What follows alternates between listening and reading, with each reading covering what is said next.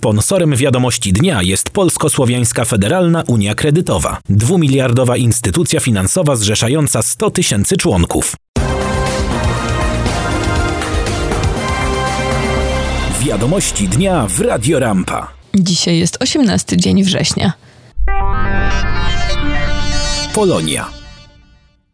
Wybory do Sejmu i Senatu Rzeczypospolitej Polskiej będą miały miejsce w Polsce w niedzielę 13 października, a wyborcy w USA głosować będą dzień wcześniej, w sobotę, w godzinach od 7 rano do 9 wieczorem. Aby wziąć udział w głosowaniu, należy zapisać się do spisu wyborców, a zapisy uruchomione zostały z dniem 17 września. Jak informuje konsulat generalny RP w Nowym Jorku, w nowojorskim okręgu będzie 16 lokali wyborczych, w tym 4 w mieście Nowy Jork. W oddziale głównym Polsko-Słowiańskiej Federalnej Unii Kredytowej przy McGuinness Boulevard na Greenpointie w Centrum Polsko-Słowiańskim, na Maspet i na Manhattanie w Konsulacie Generalnym. Pełna lista lokali wyborczych oraz link do tego, aby zarejestrować się drogą internetową na stronie www.radiorampa.com.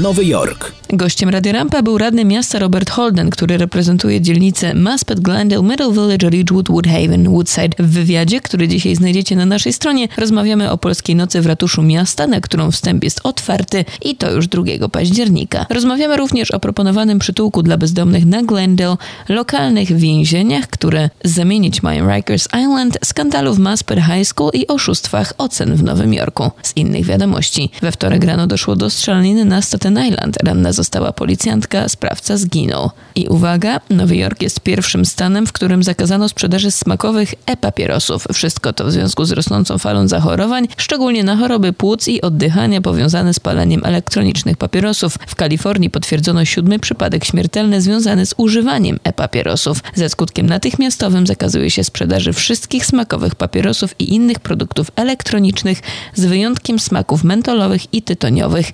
Co do nich decyzja zapadnie za dwa tygodnie. Właściciele sklepów mają też dwa tygodnie, aby usunąć produkty spółek sklepowych.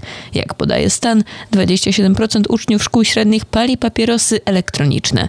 Przeciwnicy decyzji uważają, że młodzież sięgnie teraz po tradycyjne papierosy. Stany Zjednoczone.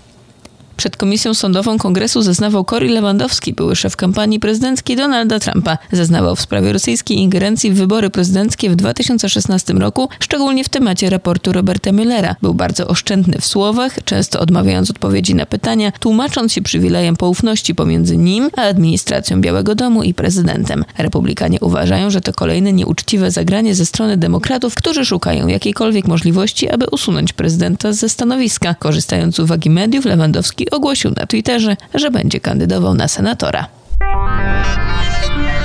Świat. Premier Izraela Benjamin Netanyahu przegrał wybory parlamentarne w tym kraju. Tak wynika z publikowanych przez media sondażowych wyników wczorajszego głosowania, o którym pisze informacyjna agencja radiowa. Różnice pomiędzy dwoma największymi blokami są jednak tak małe, że nie można na razie wskazać zwycięzcy najbardziej zaciętego od lat głosowania w Izraelu. Z innych wiadomości europosłowie będą dziś szukali odpowiedzi na pytanie, czy da się jeszcze zapobiec twardemu Brexitowi. Temat wyjścia Wielkiej Brytanii ze wspólnoty wraca na salę obrad Parlamentu Europejskiego w Strasburgu. Omawiane będzie m.in. kolejne przedłużenie Brexitu.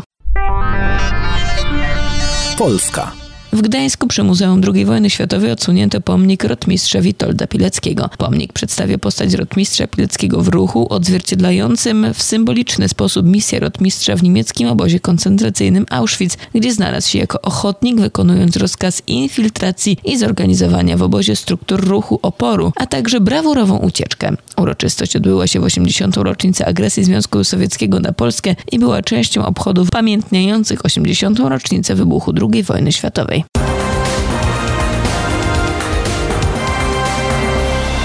Monika Adamski, Radio Rampa, Nowy Jork.